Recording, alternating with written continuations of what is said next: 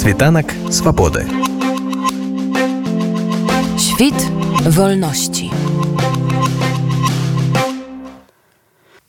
Прэм'ера першай часткі серыяла працэс адбылася роўна год таму на кінафестывалі бульбамуве сёлета ў лістападзе форум паказаў беларускаму гледачу яшчэ два эпізоды патрыятычнае практыкаванне і прыснілася далёка не ўсе ахвотныя змаглі тады трапіць у кіназалу аднак ужо 10 снежня ў варшаўскай кінатэцы можна было ўбачыць усе чатыры серыі нашу размову з андреем кашперскім натуральна распачынаю з пытання што адчуваў падчас прагляду рэжысёры і ці адэкватная была рэакцыя публікі на мой взгляд, очень много смеялись, даже слишком много смеялись. Э, кто-то называет наш сериал комедийным, но я считаю, что это ложное утверждение, я считаю, что это не так.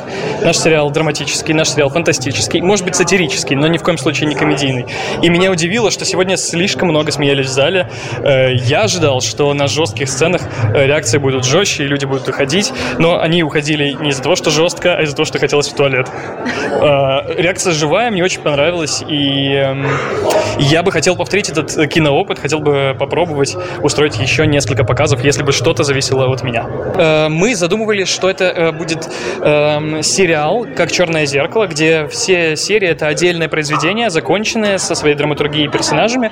Но пока мы писали и снимали все наши серии, так случилось, что мы создали единую вселенную и единый мир, который закольцовывается и закрывается в последней серии первого сезона, в четвертой серии, которая называется «Программа передач». И эта серия выйдет 16 декабря на Белсат Лайв.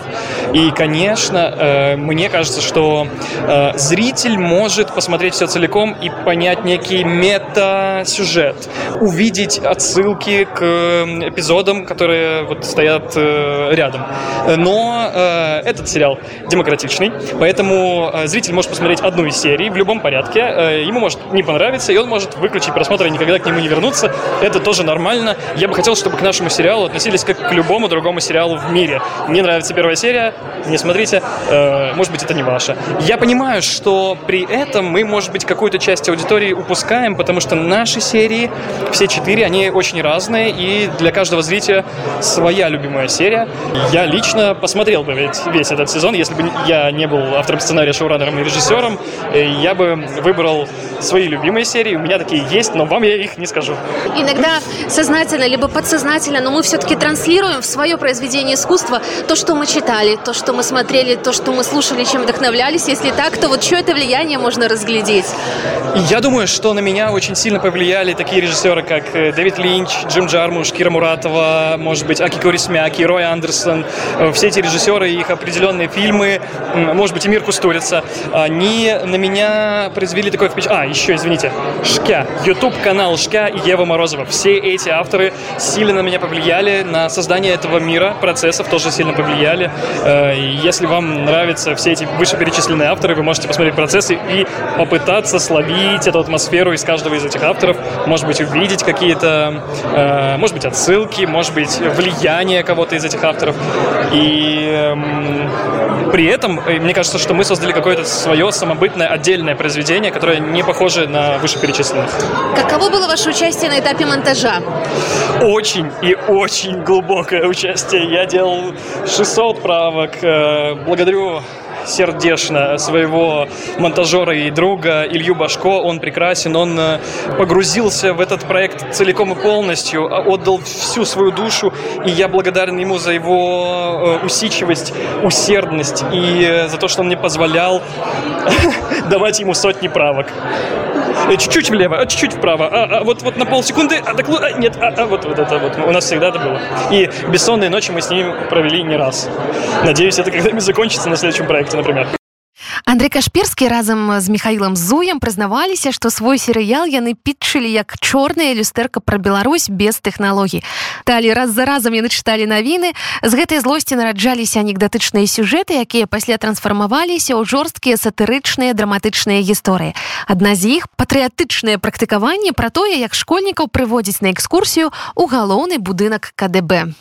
И еще. Среди вас все это время скрывался наш агент.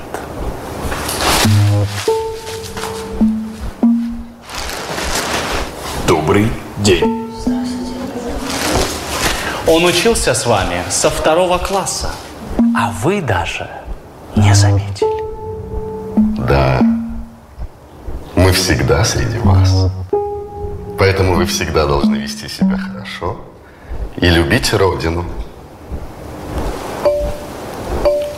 По-моему, они уже готовы. Да. Пора встретиться с главным.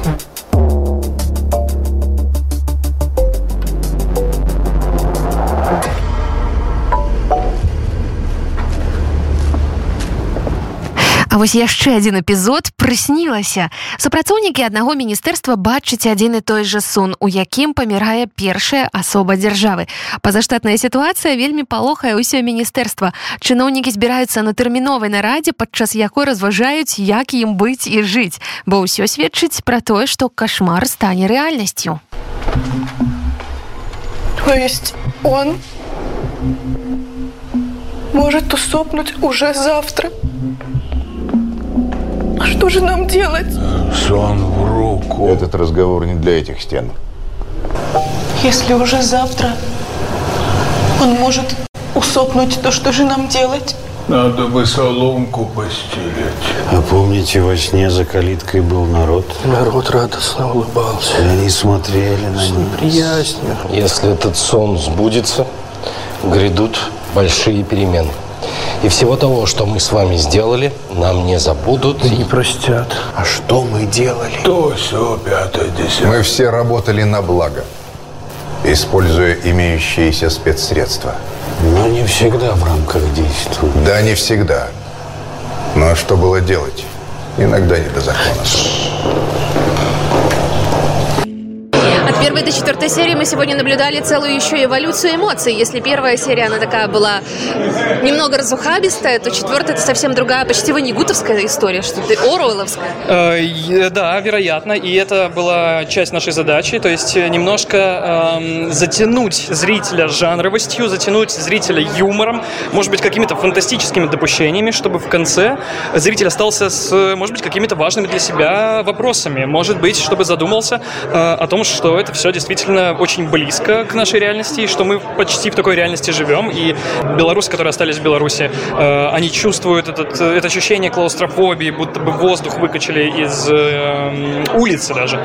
Но при этом юмора в нашем сериале много. Это не комедия, еще раз повторюсь. И мне кажется, что мы старались не драматизировать ситуацию слишком сильно. То есть мы не опирались исключительно на драматичную эмоцию. Мы попро- попробовали составить такой, соблюсти баланс. У серыяле бліскучы акцёрскі склад беларускіх артыстаў. Тут усе нашыя тэатральныя зоркі ад алега гарбуза зоі белахвосцік і валянціны гарцуевай да ігора сігова дар'і і Андрэя новікаў Сергея чуба александра гарцуева кацярыны гацурыяворскай многіх многіх многіх іншых. Пераканаўчая не толькі акцёрская гульня але і антураж. Часамі падаецца што на экране звычайныя мінскія спальнікі паркі і скверы А мы снимали в Варшаве. Варшава очень напоминает Минск. Э, Мы вот э, часто с друзьями и с моим соавтором Мишей Изуем, мы часто вспоминали о том, что это место в Варшаве похоже на парк Челюскинцев, это место в Варшаве похоже на здание возле ЦУМа, это место в Варшаве похоже на, э, э, сейчас скажу, тракторный завод и, или зеленый луг. Поэтому нам было достаточно просто. Э, Сложнее было с поиском актеров, потому что многие актеры белорусы хотели возвращаться в Беларусь, и мы не могли подвергать их такой опасности и давать им возможность участвовать в нашем сериале. Некоторые э, актеры или актрисы отказывались от участия, понимая, что им может грозить опасность. А, Очень много иронии, которая, безусловно, требует знания контекста. Все, что было сегодня показано на экране, поймет каждый белорус, а вот поймет ли житель другой страны?